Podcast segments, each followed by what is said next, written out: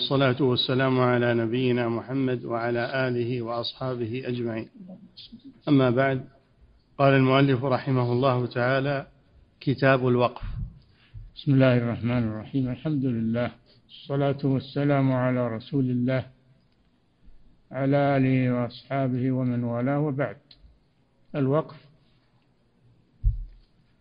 هو تحبيس الأصل وتسهيل المنفعة. الأصل يحبس بمعنى لا يباع ولا يوهب ولا يورث تكون منفعته في أعمال البر.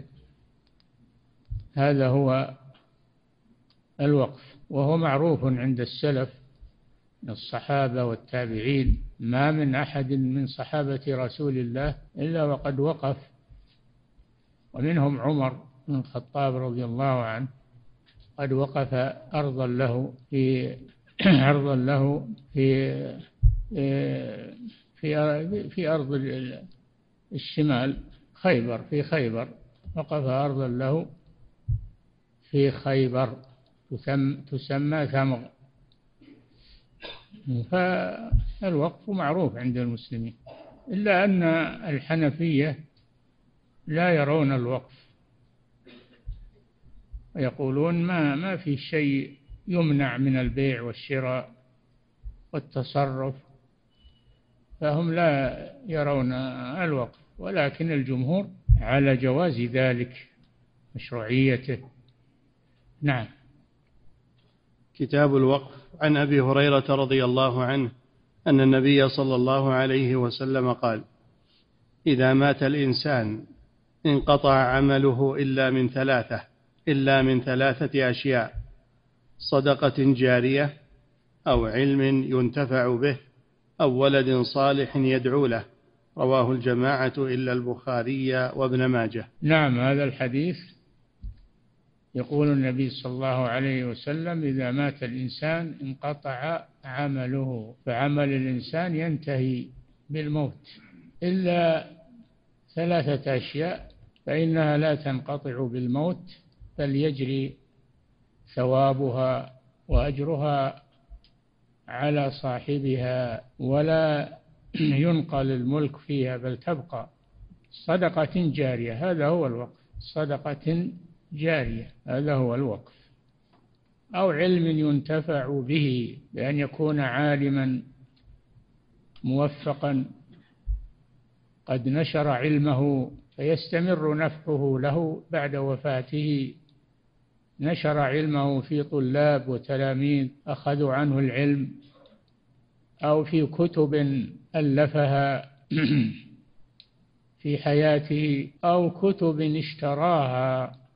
حتى ولو لم يكن عالما إذا اشترى كتبا نافعة ووقفها فهذا يجري أجره عليه بعد وفاته وهو يدخل في العلم الذي ينتفع به.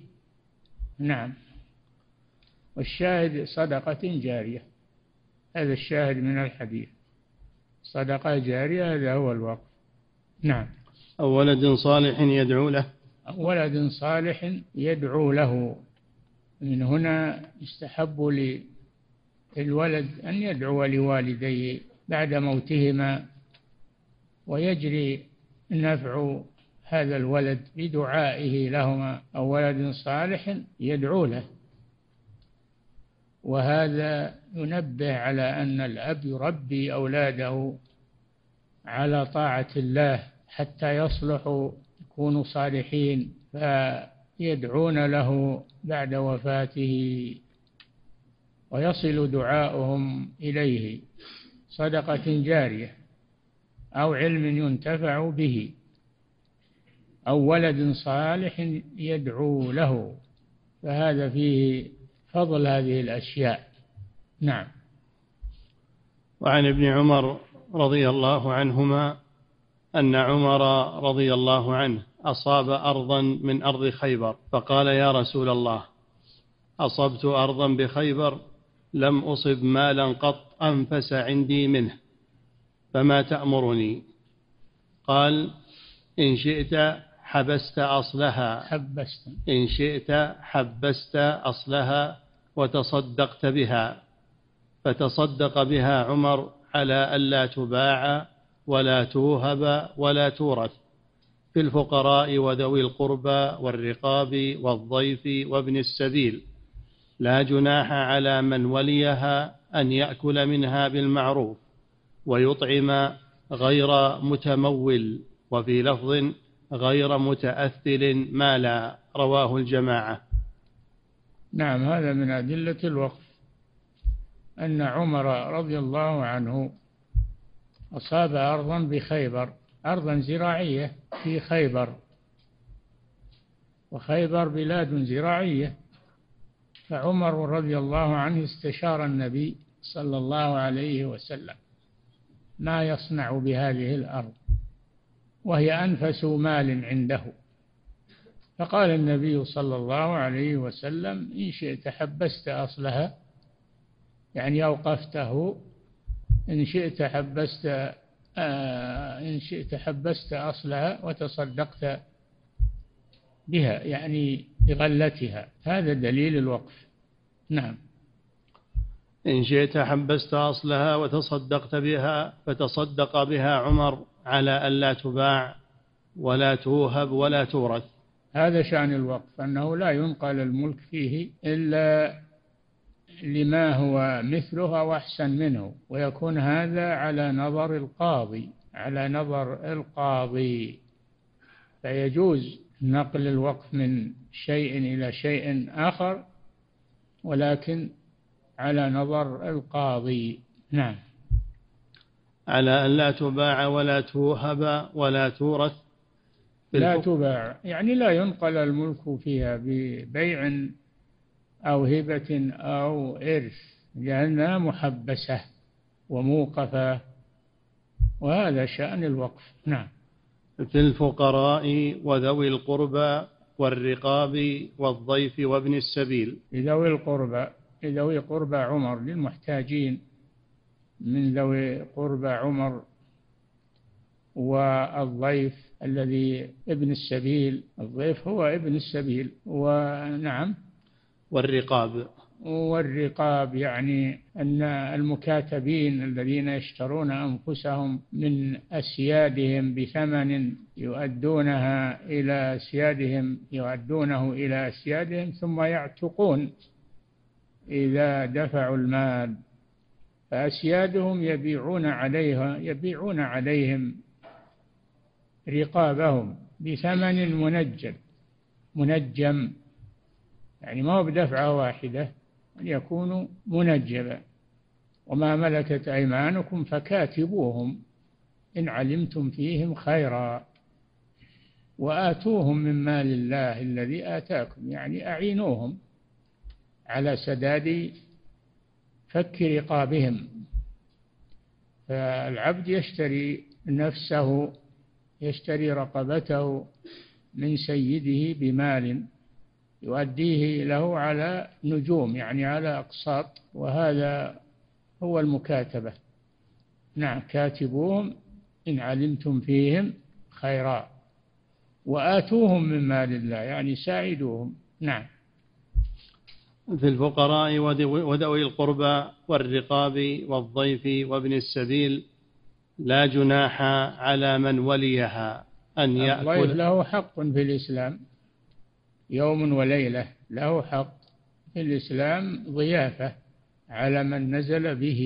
كان يؤمن بالله واليوم الآخر فليكرم ضيفه جائزته. قالوا وما جائزته؟ قال يومه وليلته. هذا الضيافة الواجبة. والمستحب ثلاثة أيام. المستحب أن الضيافة ثلاثة أيام. نعم. لا جناح على من وليها. لا جناح يعني لا إثم. نعم.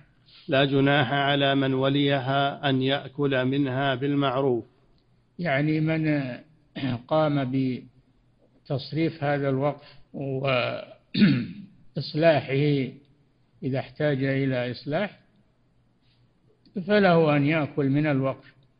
بقدر ما بقدر ما عمل فيه. نعم. لا جناح على من وليها أن يأكل منها بالمعروف. بالمعروف يعني ولا يسرف بالمتعارف عليه عند الناس. نعم. ويطعم غير متمول وفي لفظ غير متأثر مالا. ويطعم غير متمول ولا متأثر يعني يطعم هو في نفسه فقط ولا يدخر مالا من الوقف إنما يأكل قدر حاجته فقط. إذا كان آه، قد تولى الوقف وقام وقام به نعم. ويطعم غير متمول وفي لفظ غير متأثر مالا. رواه الجماعة. نعم التأثل هو هو هو التمول لكن رواية نعم. وفي حديث عمرو بن دينار قال في صدقة عمر ليس على الولي جناح أن يأكل ويؤكل صديقا له غير متأثل. نعم لا, لا جناح أي لا حرج على نعم. أن يأكل ويؤكل صديقا أن يأكل الولي على الوقف والقائم على الوقف أن يأكل منه بقدر عمله الذي يقوم به. نعم. ويؤكل صديقا له. وكذلك لا جناح أن يطعم صديقه من الوقف. باب الإحسان. نعم. غير متأثر قال وكان ابن عمر هو يلي صدقة عمر. كان ابن عبد الله بن عمر رضي الله عنه هو الذي تولى وقف أبيه عمر بن الخطاب. نعم. وكان ابن عمر هو يلي صدقة عمر ويهدي لناس من أهل مكة كان ينزل عليهم أخرجه البخاري. يهدي لهم من وقف عمر إلى أناس من أهل مكة كان ينزل عليهم إذا جاء إلى مكة ينزل عليهم ضيفا عندهم. نعم. وفيه من الفقه أن من وقف شيئا على فيه, فيه هذا من كلام المؤلف المجد رحمه الله وفيه وفيه من الفقه أن من وقف شيئا على صنف من الناس وولده منهم دخل فيه. نعم من وقف على صنف من الناس وولده منهم لأن عمر هو الواقف وعبد الله بن عمر ولده. فدخل في وقف أبيه ينتفع منه. نعم. وعن عثمان رضي الله عنه أن النبي صلى الله عليه وسلم قدم المدينة وليس فيها ماء يستعذب غير بئر رومة. فقال من يشتري بئر رومة فيجعل فيه دلوه مع دلاء المسلمين بخير له منها في الجنة فاشتريتها من صلب مالي. رواه النسائي والترمذي وقال حديث حسن. قدم النبي صلى الله عليه وسلم المدينة مهاجرا وعندهم شح في الحصول على الماء ماء الشراب في الحصول على ماء الشراب. وليس في المدينة بئر عذب إلا بئر رومة هذه المذكورة. وكان صاحبها يضايق المسلمين يبيع عليهم الماء يضايقهم. فاشتراها عثمان رضي الله عنه اشتراها منه وأوقفها على المسلمين. نعم. فيجعل فيها دلوه مع دلاء المسلمين بخير له منها في الجنة. نعم. فاشتريتها من صلب مالي رواه النسائي والترمذي وقال حديث حسن وفيه جواز انتفاع الواقف بوقفه العام. أي نعم لأن لأن عثمان كان يشرب من هذه البئر بعدما وقفها يشرب من هذه البئر بعدما وقفها دل على أن الواقف ينتفع من وقفه مع الناس. نعم. باب وقف المشاع والمنقول. المشاع المشترك. المشاع هو المشترك الذي لم يقسم. مشترك بين شركاء ولم يقسم. فلأحد الشركاء أن يوقف نصيبه ولو لم يقسم. أن يوقف نصيبه ولو لم يقسم. ويكون ما يحصل له من نصيبه يكون وقفا. نعم. باب وقف المشاع والمنقول. ووقف المنقول. وقف الثوابت هذا لا إشكال فيه. وقف الأرض وقف البيت وقف المسجد الثابت هذا لا إشكال فيه. لكن المنقول الذي ينقل مثل السلاح مثل آه، الدواب مثل الأشياء التي تنقل. هل توقف؟ نعم توقف. وسيأتيكم الدليل على هذا. نعم. باب وقف المشاع والمنقول. عن ابن عمر رضي الله عنهما قال قال عمر للنبي صلى الله عليه وسلم إن المئة سهم التي لي بخيبر لم أصب مالا قط أعجب إلي منها. قد أردت أن أتصدق بها. فقال النبي صلى الله عليه وسلم احبس أصلها وسبل ثمرتها. رواه النسائي وابن ماجه. هذا من أدلة الوقف. عمر أصاب أرضا بخيبر آه، ثمينة وكان رضي الله عنه قد آه، قد فرح بها. لأنها ثمينة. واستشار النبي صلى الله عليه وسلم ماذا يصنع بها فأشار عليه النبي صلى الله عليه وسلم أن يحبس أصلها ويتصدق بغلتها. وهذا هو الوقف هذا هو الوقف. فوقفها عمر رضي الله عنه وعمل بوصية النبي صلى الله عليه وسلم. فهذا من أدلة الوقف. نعم. وعن أبي هريرة رضي الله عنه قال قال رسول الله صلى الله عليه وسلم من احتبس فرسا في سبيل الله ايمانا واحتسابا فإن شبعه وروثه وبوله في ميزانه يوم القيامة حسنات. رواه أحمد والبخاري. من احتبس فرسا يعني أوقف فرسا وهذا منقول هذا فيه دليل على جواز وقف المنقول في سبيل الله أوقفها للجهاد فإن الله يكتب له كل ما خرج من هذا الفرس من روث وبول ويكتبه له في ميزان حسناته يوم القيامة. نعم. وعن ابن عباس رضي الله عنهما قال أراد رسول الله صلى الله عليه وسلم الحج فقالت امرأة لزوجها أحجني مع رسول الله صلى الله عليه وسلم. فقال ما عندي ما أحجك عليه؟ قالت أحجني على جملك فلان. قال ذاك ذلك حبيس في سبيل الله. فأتى رسول الله صلى الله عليه وسلم فسأله. فقال أما إنك لو أحججتها عليه كان في سبيل الله. رواه أبو داود. نعم أعيده. وعن ابن عباس رضي الله عنهما قال أراد رسول الله صلى الله عليه وسلم الحج. الرسول صلى الله عليه وسلم أراد الحج حجة الوداع. هي حجة الوداع وما حج بعد البعثة إلا مرة واحدة هي حجة الوداع. هذه التي توفي بعدها صلى الله عليه وسلم بعد شهر وأيام. نعم.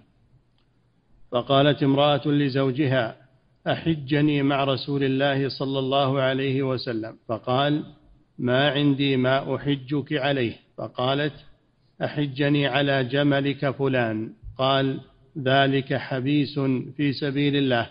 يعني أنه أوقفه في سبيل الله. هذا دليل على جواز وقف المنقول. نعم.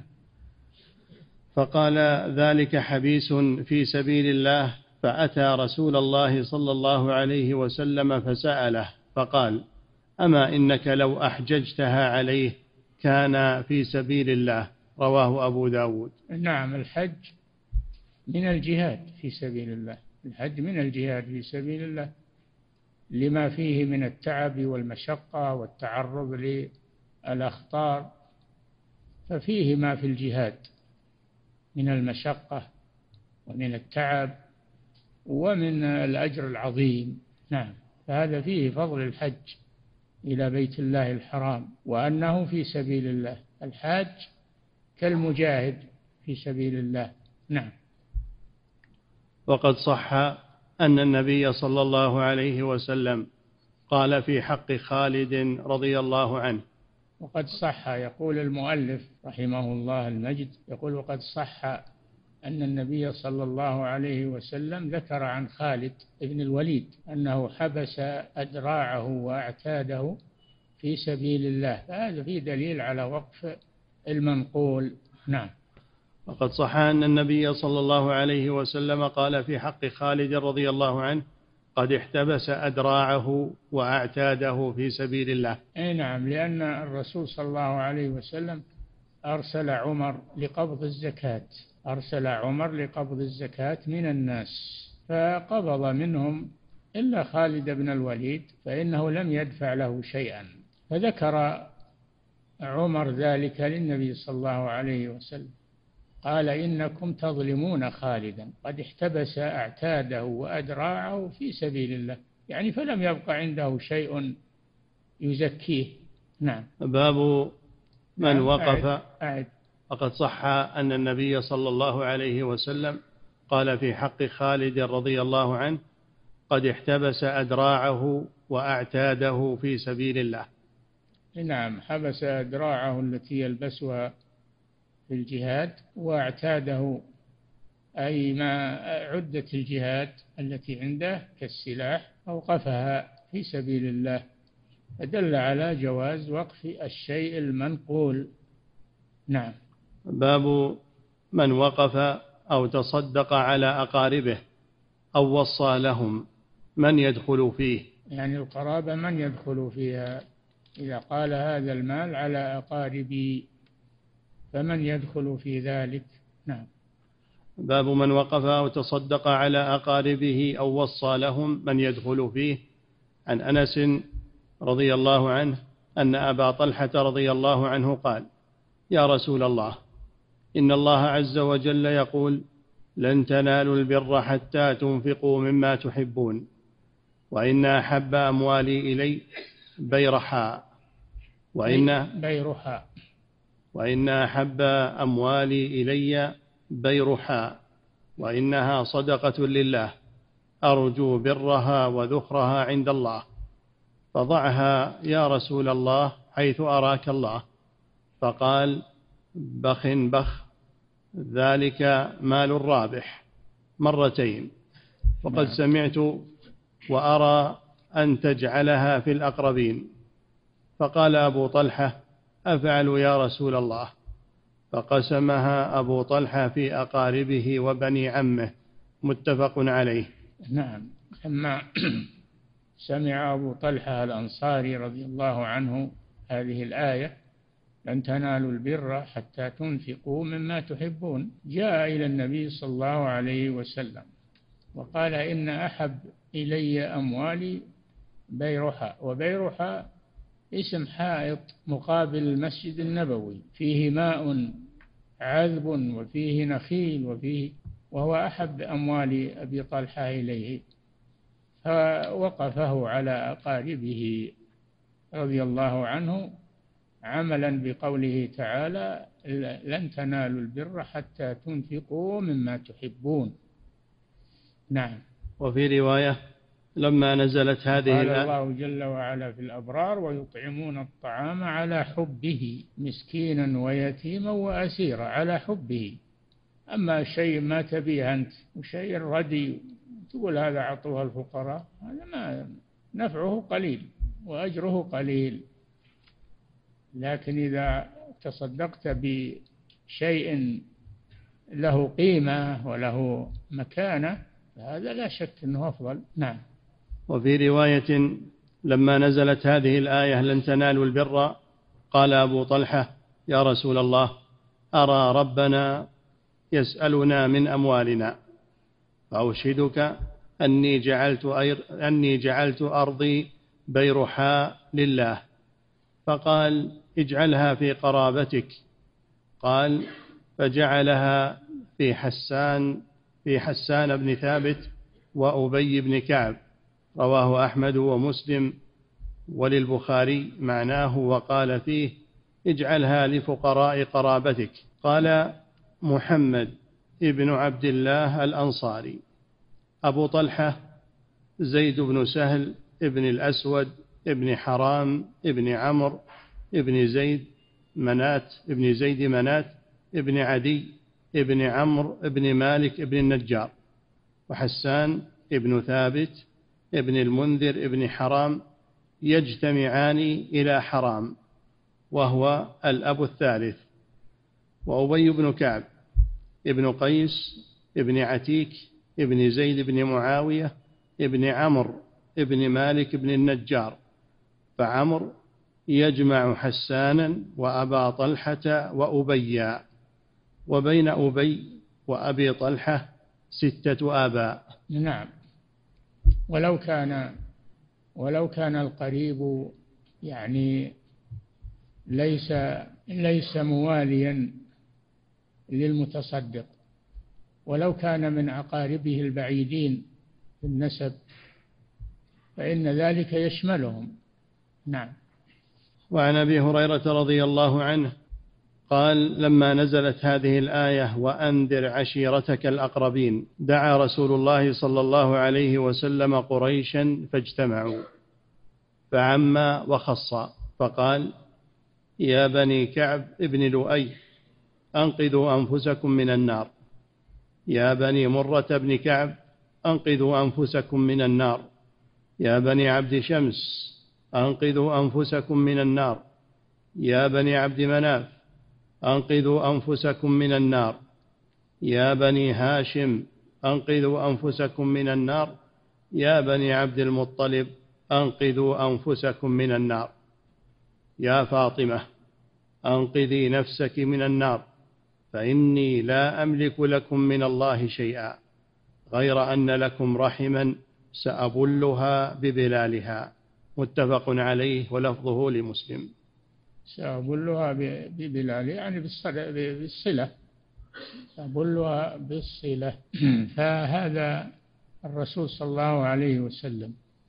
لما نزل عليه قوله تعالى وأنذر عشيرتك الأقربين. آه، صعد الصفا صلى الله عليه وسلم ونادى اجتمعت عليه قريش في مكة فقال هذه المقالة لأن هؤلاء هم عشيرته أقرباؤه وبنو عمه فبدأ بهم بدأ بهم. هذا يدل على أن الذي يدعو إلى الله أول ما يبدأ بأقاربه وأهل بيته وذريته. النبي بدأ بأقاربه. بأمر الله أنذر عشيرتك عشيرتك الأقربين. الداعي إلى الله يبدأ بأقرب الناس إليه ثم يتعدى إلى غيرهم. أما أنه يدعو الناس ويترك أقاربه ويترك أولاده فهذا آه، مخالف لمنهج الرسول صلى الله عليه وسلم ولمنهج الدعوة. إلى الله عز وجل. نعم. يا فاطمة أنقذي نفسك من النار فإني لا أملك لكم من الله شيئا. نعم عم وخص عليه الصلاة والسلام في آه، في دعوته. أولا دعا آه، بني أجداده وبني عمه الأبعدين ثم قرب ثم قرب إلى أن وصل إلى بنته فاطمة. قال يا فاطمة بنت محمد أنقذي نفسك لا أملك لك من الله شيئا. يا عباس عم رسول الله لا أملك لك من الله شيئا. يا صفية عمة رسول الله لا أملك لك من الله شيئا. اللي يتعلقون الآن على أقاربهم وعلى ويرجون أنهم يخلصونهم من النار أو أنهم من الشجرة النبوية أو من قريش أو من بني هاشم.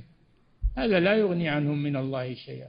لا يغني عنهم من الله شيئا. عمل الإنسان هو الذي إذا تقبله الله ينقذه من النار ولا ينفعه أنه ابن لفلان الصحابي أو ابن لفلان النبي أيضا. لا ينفعه ذلك. نعم. غير أن لكم رحما سأبلها ببلالها. نعم الصلة هذه حاصلة ومطلوبة. وأما أنه ينفعهم في الآخرة وينقذهم من النار لا لا ينقذهم من النار. إلا أعمالهم الصالحة. نعم. نوح لم ينفع ابنه لم ينفع ابنه. حال بينهما الموج فكان من المغرقين. قال ولما سأل لما دعا ربه ربي إن ابني من أهلي قال يا نوح إنه ليس من أهلك ليس من هو ابنه لكن ليس من أهله لأنه لم يتبعه وإذا لم يتبعه فليس من أهله إنه ليس من أهلك ليه؟ إنه عمل غير صالح وفي قراءة إنه عامل غير صالح. نعم. فلا ينفع الإنسان أنه ابن لفلان الصالح أو النبي أو لا ما ينفعه هذا إلا عمله. ينفعه إلا عمله الذي قدمه لنفسه. نعم. باب أن الوقف على الولد يدخل فيه ولد الولد بالقرينة لا بالإطلاق. نعم. الولد يشمل الولد الصلب ويشمل ولد الولد مهما نزل. نعم. باب أن الوقف على الولد يدخل فيه ولد الولد بالقرينة لا بالإطلاق. عن أنس رضي الله عنه قال بلغ صفية أن حفصة قالت بنت يهودي. فبكت. فدخل عليها النبي صلى الله عليه صفية وسلم. صفية بنت حيي بن أخطب من رؤوس اليهود وقد سبيت مع السبي. بني قريظة ووقعت في سهم رجل من الأنصار فوهبها للنبي صلى الله عليه وسلم فاعتقها وجعل عتقها صداقها وتزوجها صلى الله عليه وسلم. هذه صفية بنت حيي بن أخطب اليهودي. نعم. بلغ صفية أن حفصة قالت بنت يهودي. فبكت. حفصة بنت عمر رضي الله عنها. عيرتها فقالت بنت يهودي أنتم تعلمون ما يكون بين الضرائر من من الشحنة ومن بنت يهودي يعني تعيبها في ذلك. نعم. فبكت فدخل عليها النبي صلى الله عليه وسلم وهي تبكي وقالت قالت لي حفصة أنت ابنة يهودي. فقال النبي صلى الله عليه وسلم إنك لابنة نبي. وإن عمك لنبي وإنك لتحت نبي. ابنة نبي يعني ابنة هارون وعمها نبي وهو موسى عليه السلام. وهي زوجة نبي زوجة الرسول صلى الله عليه وسلم. إيش بعد هذه الفضائل؟ نعم. إنك لابنة نبي وإن عمك لنبي وإنك لتحت نبي فبم تفتخر عليك؟ ثم قال اتق الله يا حفصة. رواه أحمد والترمذي وصححه. نعم. ليست العبرة بأن الإنسان أبوه مشرك أو جده مشرك. العبرة بعمله هو ولا يضره عمل قريبه أو أبيه أو ما يضره هذا. نعم. ثم قال اتق الله يا حفصة رواه أحمد والترمذي وصححه.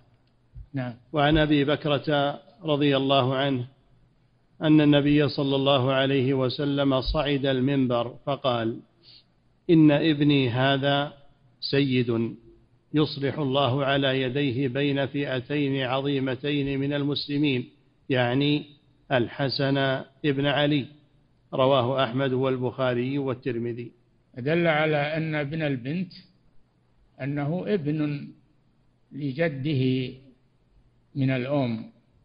الرسول صلى الله عليه وسلم آه، هو جد الحسن والحسين من أمهم لأن أمهم فاطمة بنت الرسول صلى الله عليه وسلم.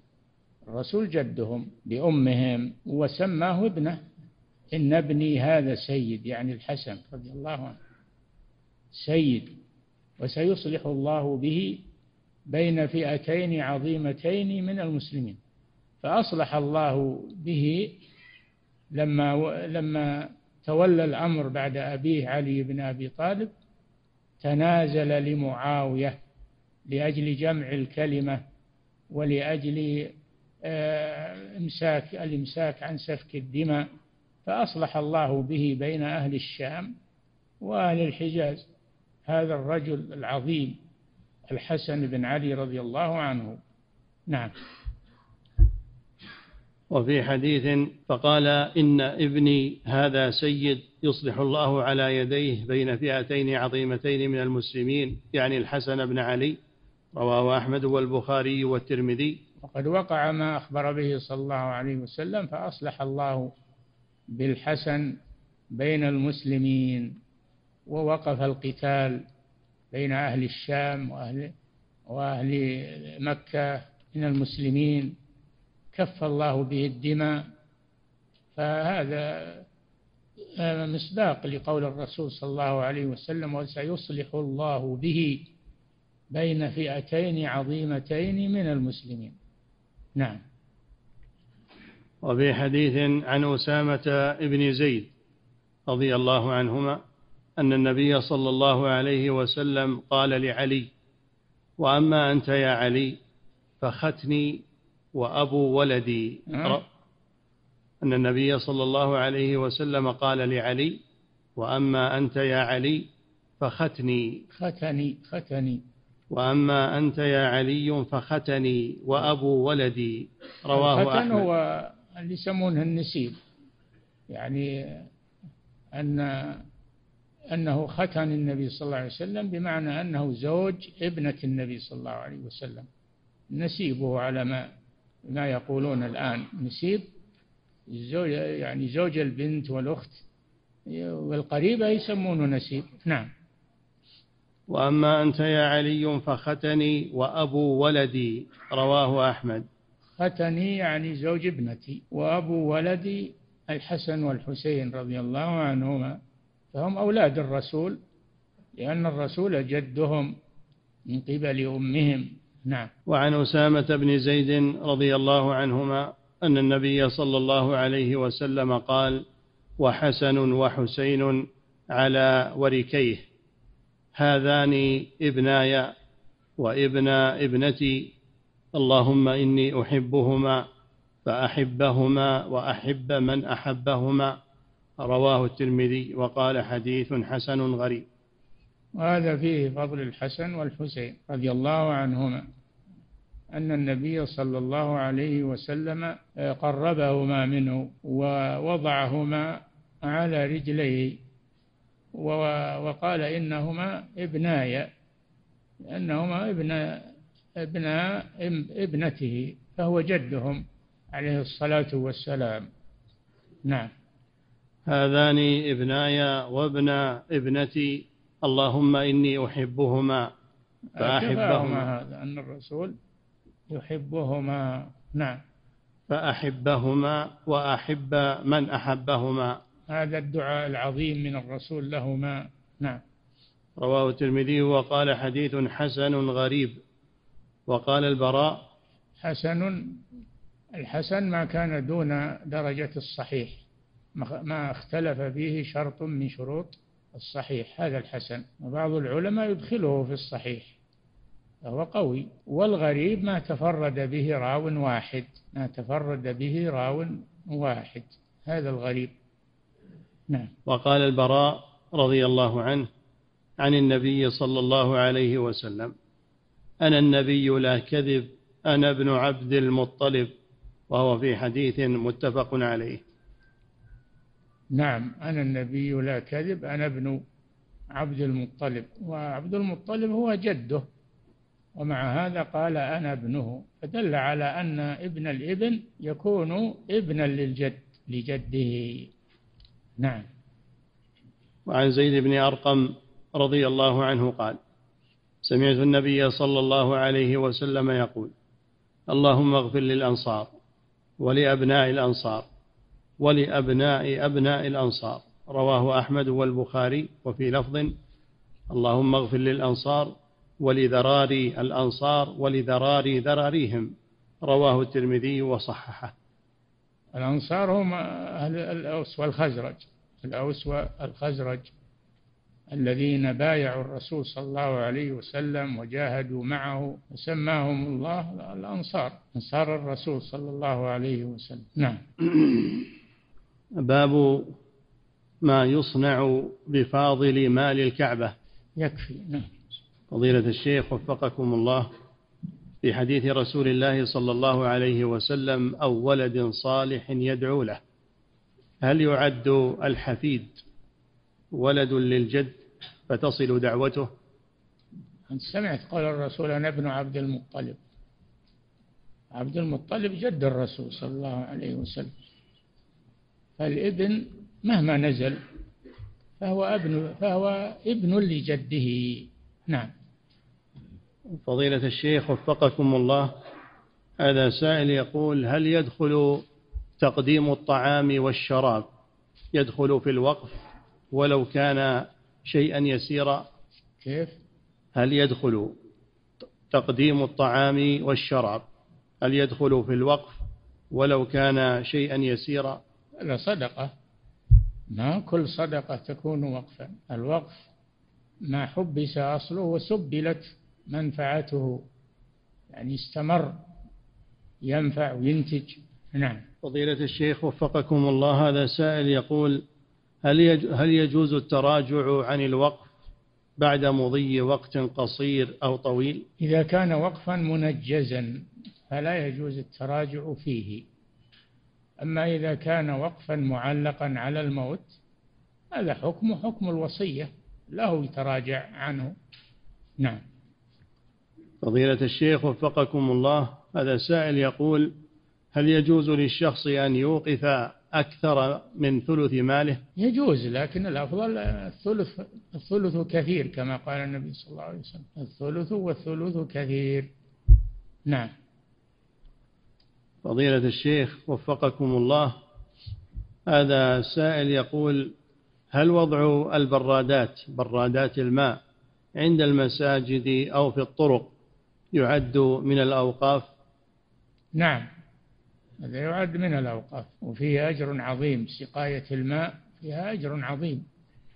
نعم. فضيلة الشيخ وفقكم الله هذا السائل يقول هل صحيح أن وقف عثمان رضي الله عنه وقفه للبئر أن هذا البئر ما زال موجودا ينتفع به؟ والله ما أدري. تحتاج أنك تروح وتشوف. هل بئر روما موجود الآن ولا ما هو موجود؟ نعم. اللي. موجودة الآن بئر عروة. مشهورة بئر عروة ويشربون منها الناس. عروة بن الزبير. نعم. فضيلة الشيخ وفقكم الله. في الحديث عن رسول الله صلى الله عليه وسلم أو علم ينتفع به. هل هذا شرط أن ينتفع بهذا العلم؟ وهل إذا لم ينتفع به ما صار فيه أجر نعم. فضيلة الشيخ وفقكم الله هذا سائل يقول هل توزيع المصاحف شراء المصاحف ثم توزيعها يعد من الأوقاف والصدقات الجارية؟ نعم يعد من الأوقاف شراء المصاحف ووضعها في المساجد. هذا من الأوقاف على المساجد التي وضعت فيها فلا تخرج عنها نعم. فضيلة, فضيلة الشيخ وفقكم الله وهذا سائل يقول هل زراعة الأشجار للاستفادة منها وحفر الآبار يعد من الأوقاف والصدقات الجارية؟ كل ما فيه نفع يستمر فهو من الأوقاف. نعم. فضيلة الشيخ وفقكم الله هذا سائل يقول إذا أوقفت برادة ماء فهل يلزمني متابعتها وعمل صيانة لها كلما احتاجت إلى ذلك أو أنني فقط أضعها؟ إذا تعاهدتها ولاحظتها فهذا أفضل لأجل أن تستمر الأجر والثواب لك. نعم.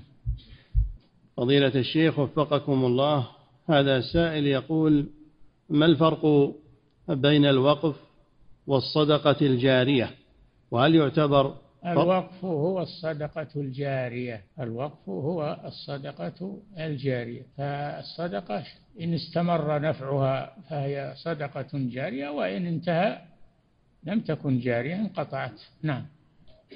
ثم يقول حفظك الله وهل يعتبر فرش المسجد ولمبات الإضاءة التي في المسجد هل تعتبر من الأوقاف أم يجوز بيعها عند الاستغناء عنها؟ يكون هذا مرجعه لإدارة شؤون المساجد أثاث المساجد وإضاءتها وما يكون يستبدل منها هذا كله عند وزارة شؤون المساجد وزارة الشؤون الإسلامية. نعم. فضيلة الشيخ وفقكم الله هذا سائل يقول من وضع مكانا في استراحته في جانب من استراحته وفتحه للناس ليصلوا فيه. هل يعتبر هذا بمثابة الوقف؟ نعم إذا فتح بابه وأذن للناس للصلاة فيه صار مسجدا وصار وقفا. نعم. أما إذا ما فتحه وإنما يصلي فيه ومن يحضر معه يصلون فيه ولا فتحوه للناس الذين من خارج المكان فهذا مصلى وليس مسجدا نعم فضيلة الشيخ وفقكم الله هذا سائل يقول إذا كان الوقف على شيء محرم كطباعة كتب المبتدعة مثلا هل يجوز العمل بهذا الوقف؟ يغير يجب تغييره ويعدل به إلى شيء نافع بدل الشيء المحرم. نعم. فضيلة الشيخ وفقكم الله هذا سائل يقول الناظر على الوقف هل يجوز له أن يأخذ من مال الوقف ما يحتاج إليه؟ نعم يجوز له. من وليه لا بأس أن أن يأكل غير متأثل كما قال عمر رضي الله عنه. مقابل عمله. نعم. فضيلة الشيخ وفقكم الله هذا سائل يقول هل يصح تعليق الوقف بالموت؟ نعم لكن ما يكون يكون وصية. يكون حكمه حكم الوصية. نعم. فضيلة الشيخ وفقكم الله هذا سائل يقول المرهون الشيء المرهون هل يصح وقفه؟ لا. المرهون لا يجوز التصرف فيه إلا بإذن إلا بإذن المرتهن. نعم. هذا سائل يقول هل الكتب الإسلامية توزيعها وطباعتها تعتبر من العلم النافع بعد الموت؟ بلا شك. بلا شك أنها من العلم النافع. طباعتها وتوزيعها والمصاحف وتوزيعها هي من العلم النافع. نعم. فضيلة الشيخ وفقكم الله. هذا سائل يقول هل يجوز أن ينتسب الإنسان إلى أبي أمه يعني جده من جهة الأم؟ يجوز نعم لا بأس نعم. فضيلة الشيخ وفقكم الله هذا سائل يقول إن أباه قد توفي وهو صوفي فهل يجوز له أن يدعو لأبيه هذا الصوفي؟ ما ندري عن نوع الصوفية الصوفية أنواع. منها شيء يقتضي الكفر ومنها شيء يقتضي أنه بدعة فقط. لا ندري عن نوع التصوف الذي هو عليه. نعم. فضيلة الشيخ وفقكم الله هذا سائل يقول جاء عن الإمام ابن حزم رحمه الله تعالى أنه قال في مسألة التعبيد لغير الله قال حاشا عبد المطلب. استدلالا بقوله صلى الله عليه وسلم أنا ابن عبد المطلب فهل يجوز التسمية بهذا الاسم؟ ما يجوز إلا هذا الاسم الذي ورد. أنا ابن عبد المطلب فلا يجوز لأحد أن يقول هذا هذا خاص بالرسول صلى الله عليه وسلم. نعم. فضيلة الشيخ وفقكم الله هذا سائل يقول هل الصلاة على الجنازة في المقبرة قبل دفنها هو أقل أجرا من الصلاة عليها في المسجد؟ لا. المهم أنه يصلي عليها في المقبرة أو في المسجد. هذا المهم أنه يصلي عليها يحصل على الأجر. نعم. فضيلة الشيخ وفقكم الله. هذا سائل يقول بعض المساجد تغير أو تقوم بتغيير الفرش التي فيها باستمرار مع صلاحيتها. فهل تعتبر هذه الفرش وقفا فلا يجوز تغييرها إلا بعد أن تكون غير صالحة؟ يجوز تغييرها لكن لازم من تولي وزارة الشؤون الإسلامية لذلك. هي المسؤولة عن المساجد وفرشها. نعم. فضيلة الشيخ وفقكم الله هذا سائل يقول ما حكم ما يعرف بالوقف الذري؟ وكيف التصرف فيه بعد مدة من الزمن؟ فقد الوقف الذري يعني على ذريته على ذريته ما تناسلوا هذا الذري. نعم. فضيلة الشيخ وفقكم الله هذا سائل يقول ما هو ضابط تناقل الولاية على الوقف وكون يقول الواقف يجعل شخصا آخر على وقفه؟ هل يتغير هذا الشخص من شخص إلى آخر؟ هذا عند القاضي. إذا أراد أن يغير القائم على الوقف لا بد من مراجعة القاضي. نعم. فضيلة الشيخ وفقكم الله هذا سائل يقول سارع أو سارع الصحابة رضوان الله عليهم إلى وقف أحب أموالهم كاملة وأنا لا أستطيع أن أقف آه، أموالي كاملة فهل أوقف جزءا منها فأحصل على أجر. إن شاء الله. أوقف ما ما ما تريد مما فيه نفع مستمر وأنت على أجر إن شاء الله. نعم. فضيلة الشيخ وفقكم الله هذا سائل يقول في أذكار الصباح والمساء عندما أقرأ فواتح السور هل أبدأ بالبسملة؟ كقل هو الله أحد وقل أعوذ برب الفلق. كل سورة تريد قراءتها لابد تسمي قبلها تسمي قبلها إلا براءة إنها لم تنزل قبلها. نعم. فضيلة الشيخ وفقكم الله هذا سائل يقول ما ضابط الأخذ بالقول الأحوط في المسائل الخلافية؟ هل يجوز الأخذ به في جميع المسائل؟ مسائل تختلف فإذا عرض لك شيء من هذا فاسأل أهل العلم.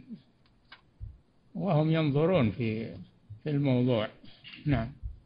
فضيلة الشيخ وفقكم الله. هذا سائل يقول هل يجوز التسمي بحبيب الله؟ وهل هذه هل هذا الاسم تزكية؟ قل حبيب وخلاص يكفي. من حبيب الله. مش يدريك انه حبيب الله. نعم. فضيلة الشيخ وفقكم الله. هذا السائل يقول إنسان كان يأخذ من أقاربه من مال أقاربه دون علمهم ويقول إذا أصبحت غنيا بعد ذلك فسأرجعها إليهم. يقول ما حكم هذا العمل؟ وهل يجب عليه أن يرجعها؟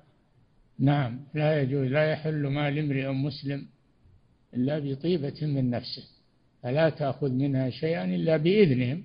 نعم. فضيلة الشيخ وفقكم الله. هذا سائل يقول والدتي تضع خبزا للطيور في سطح المنزل لكن يجتمع النمل عليه بكثرة. فهل يجوز لنا أن نقتل هذا النمل؟ لا. لا تقتلوه إلا إذا كان مؤذيا.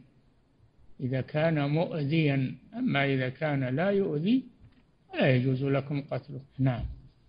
وإذا كنتم تتأذون منه لا تضعوا شيئا يجتمع عليه النمل نعم. فضيلة الشيخ وفقكم الله هذا سائل يقول سائل من خارج هذه البلاد يقول في بلادنا أناس يوقفون أراض زراعية وتبعا لها ما يعرف بالمساقي وهي تبعد عنها ثم يبيعون هذه المساقي للناس بعد ذلك فهل يجوز الشراء منها؟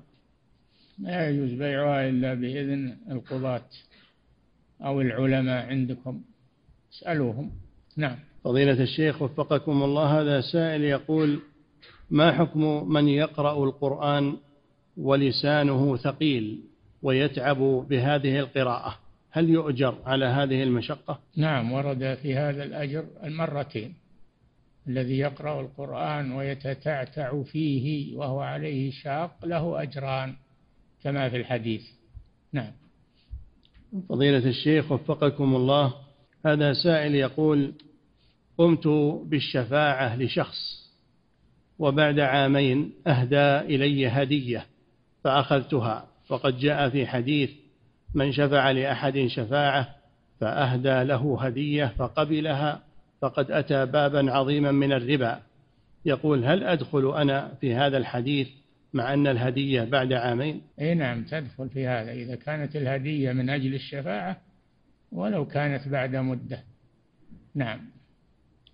فضيلة الشيخ وفقكم الله هذا سائل يقول صلى بنا رجل وقد أكل لحم إبل ولم يتوضأ ويقول إنني أتبع المذهب الحنفي في ذلك.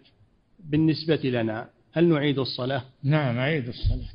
أنتم ترون أنه ناقض للوضوء. صلى بكم رجل انتقض وضوءه فأعيد الصلاة. نعم.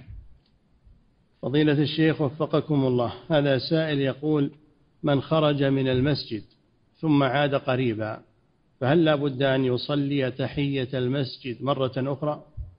لا. إذا خرج بنية الرجوع فهو في حكم الجالس في المسجد. إذا خرج بنية الرجوع فهو في حكم الجالس في المسجد فلا يحتاج إلى تحية مسجد. نعم. فضيلة الشيخ وفقكم الله هذا سائل يقول الرضعة والرضعتان هل تحرم في باب الرضاع علما أنها في الحولين؟ الرضعة المراد بها المصة. المراد بها المصة فإذا مص الثدي ونزل عليه حليب ولو كان قليلا فهذه رضعة. فإذا مصه ثانية ونزل عليه حليب هذه رضعة ثانية وهكذا. نعم. فضيلة الشيخ وفقكم الله هذا سائل يقول هل تؤجر المرأة بالقرار في بيتها والمجاهدة في ذلك خصوصا في هذا الزمن التي تعج فيه الفتن؟ المجاهدة. هل تؤجر المرأة بالقرار في بيتها والم... نعم تؤجر على القرار في بيتها لأنه أسلم لها من التعرض للمحذورات والتبرج والزينة في, في, في, في الأسواق. فبيتها أسلم لها نعم. فضيلة الشيخ وفقكم الله هذا سائل يقول هل صحيح هذه العبارة لا إنكار؟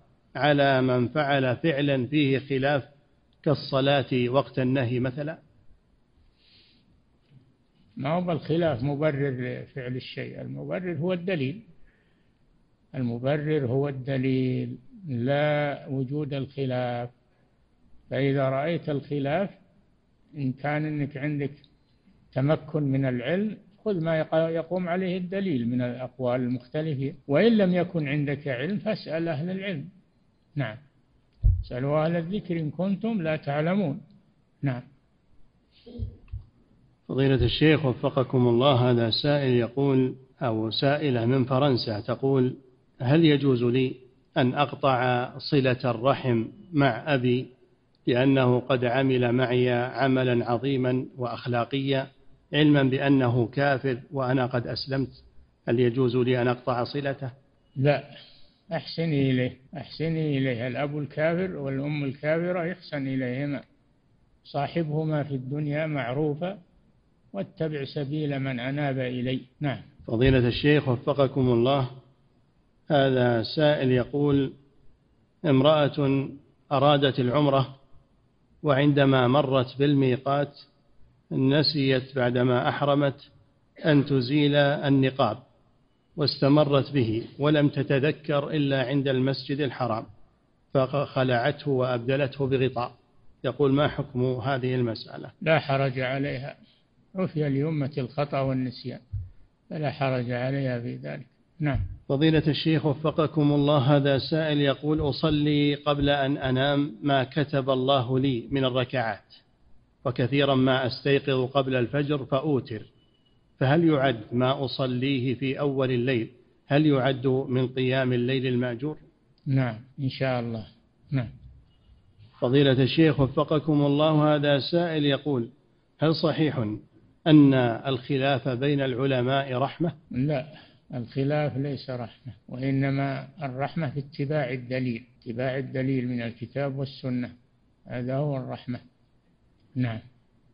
فضيلة الشيخ وفقكم الله هذا سائل من خارج هذه البلاد يقول عندنا داعية يقول إن الأصل أن نتعاون مع أهل البدع الأقرب فالأقرب يقول هل هذا الكلام صحيح؟ تعاون معهم وش عليه؟ ما ذكر ها؟ ما ذكر شيئا إذا تعاونت معهم فقد شاركتهم في الإثم تعاونوا على البر والتقوى ولا تعاونوا على الإثم والعدوان نعم فضيلة الشيخ وفقكم الله وهذا سائل يقول أتكدر عندما أرى أو أسمع ما يحدث من منكرات ظاهرة ولا أهنأ والله بنوم ولا عيش. فهل يعد هذا من اليأس والقنوط من رحمة الله؟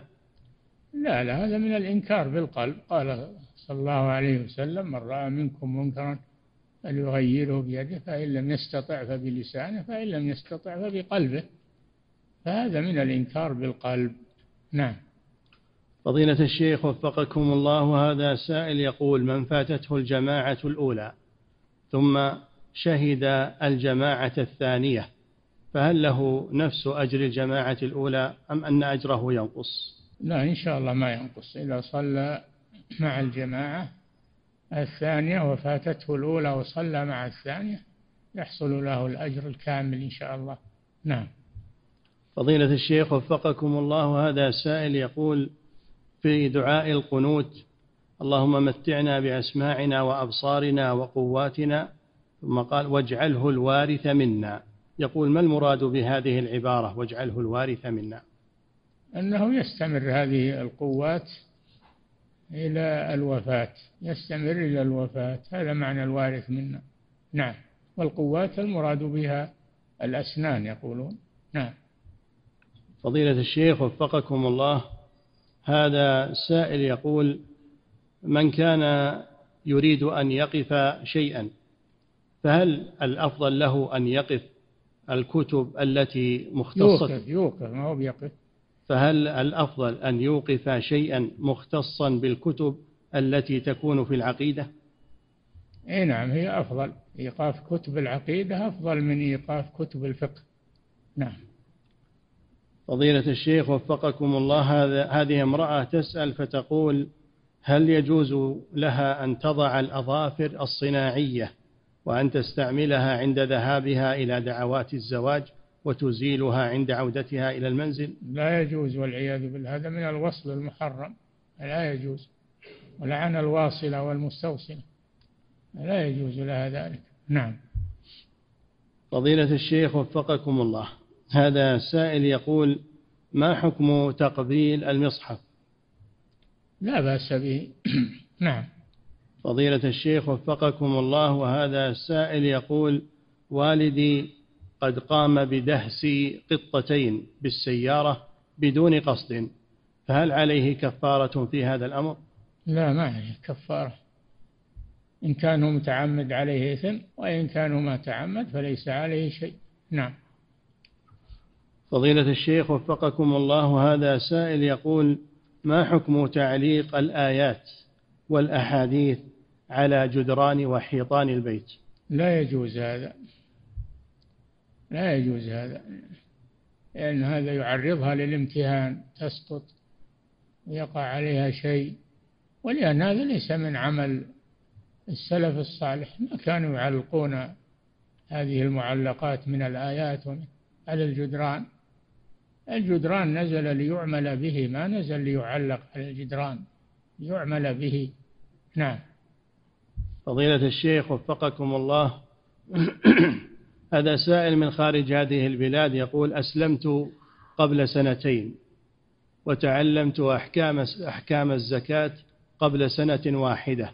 سؤاله هل علي أن أخرج الزكاة عن سنة فقط بعد تعلمي أو عن سنتين بعد إسلامي عن سنتين بعد إسلامك تخرج الزكاة عن سنتين. نعم.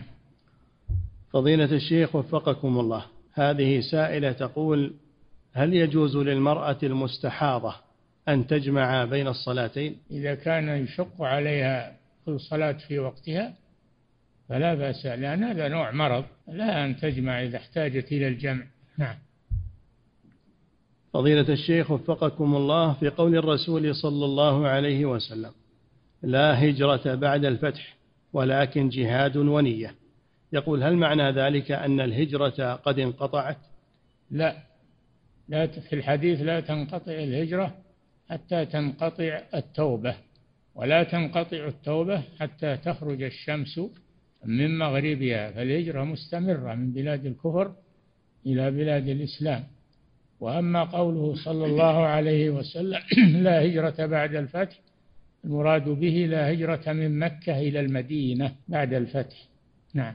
فضيلة الشيخ وفقكم الله هذا سائل يقول أوقف والدي رحمه الله وقفا في بلدتنا وقد تعطلت منافع الوقف ولم نعد نؤجره فهل لي وأنا الناظر عليه أن أبيعه أو أنقله إلى مكان آخر؟ راجع القاضي في بلدكم. نعم. فضيلة الشيخ وفقكم الله في قول الرسول صلى الله عليه وسلم لا يدخل الجنة نمام يقول النمام رجل مسلم فهل معنى ذلك أن الجنة محرمة عليه؟ لا هذا وعيد. هذا وعيد. وليس معناه أنه يمنع من دخول الجنة بتاتا لأنه مسلم. لكن هذا من باب الوعيد. يعني لا يدخله من أول وهلة ما لا يدخلها في وقت معين. نعم من باب الوعيد. نعم. فضيلة الشيخ وفقكم الله. هذا سائل يقول هل صحيح أن المرأة إذا خرجت من بيتها وهي متعطرة فهي متواعدة على ذلك؟ نعم ورد أنها زانية. يعني والزنا أنواع ما هو بالزنا في الفرج فقط. الزنا بالنظر الزنا في المشي الزنا في الطيب وما أشبه ذلك. نعم.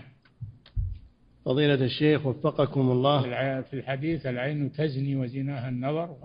إلى أن قال والفرج يصدق ذلك أو يكذبه. نعم. فضيلة الشيخ وفقكم الله. في قول الرسول صلى الله عليه وسلم إنما الصبر عند الصدمة الأولى. يقول هل معنى ذلك أن الإنسان يمتنع عن البكاء عند حدوث مصيبة ما؟ البكاء ما يؤاخذ عليه الإنسان إنما النياحة. النياحة ورفع الصوت هذا هو المحرم. أما أنه يبكي النبي صلى الله عليه وسلم بكى على ابنه إبراهيم لما مات وقال العين تدمع والقلب يحزن ولا نقول إلا ما يرضي الرب وإنا بك يا إبراهيم لمحزونون. البكاء مجرد البكاء يؤجر عليه الإنسان. نعم. إنما النياحة ورفع الصوت هذا هو الممنوع وهو من أمور الجاهلية. نعم. فضيلة الشيخ وفقكم الله. هذا سائل يقول هناك طائفة من المنتسبين إلى الدعوة يقولون إن التحدث عن توحيد الأسماء والصفات لا ينبغي في هذا الزمن لأنه يسبب فرقة بين المسلمين. أعوذ بالله من هالكلام وقائله الأسماء والصفات نوع من أنواع التوحيد. ويقول لا, لا تذكرون الأسماء والصفات؟ إلا نعلم الناس الأسماء والصفات نعلمهم إثباتها كما جاءت في القرآن والسنة نبينها للناس. نعم. فضيلة الشيخ وفقكم الله هذا سائل يقول بعض الناس عندما يسمع أن فلانا قد مرض يقول والله ما يستاهل. يقول هل هذا من باب الاعتراض على القضاء والقدر؟ نعم. قال ما يستاهل معناه أن الله ظلمه. نعم. فضيلة الشيخ وفقكم الله هذا سائل يقول هل صحيح أن رسول الله صلى الله عليه وسلم حي في قبره لقوله ما من أحد يسلم علي إلا رد الله علي روحي حتى أرد عليه السلام. نعم الرسول صلى الله عليه وسلم حي في قبره الشهداء أحيا في قبورهم لكن حياة برزخية لا يعلمها إلا الله ما هي مثل حياتهم على وهم على وجه الأرض.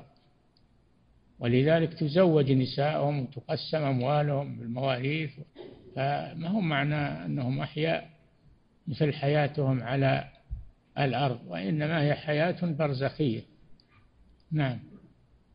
انتهى وفقكم الله. تعالى.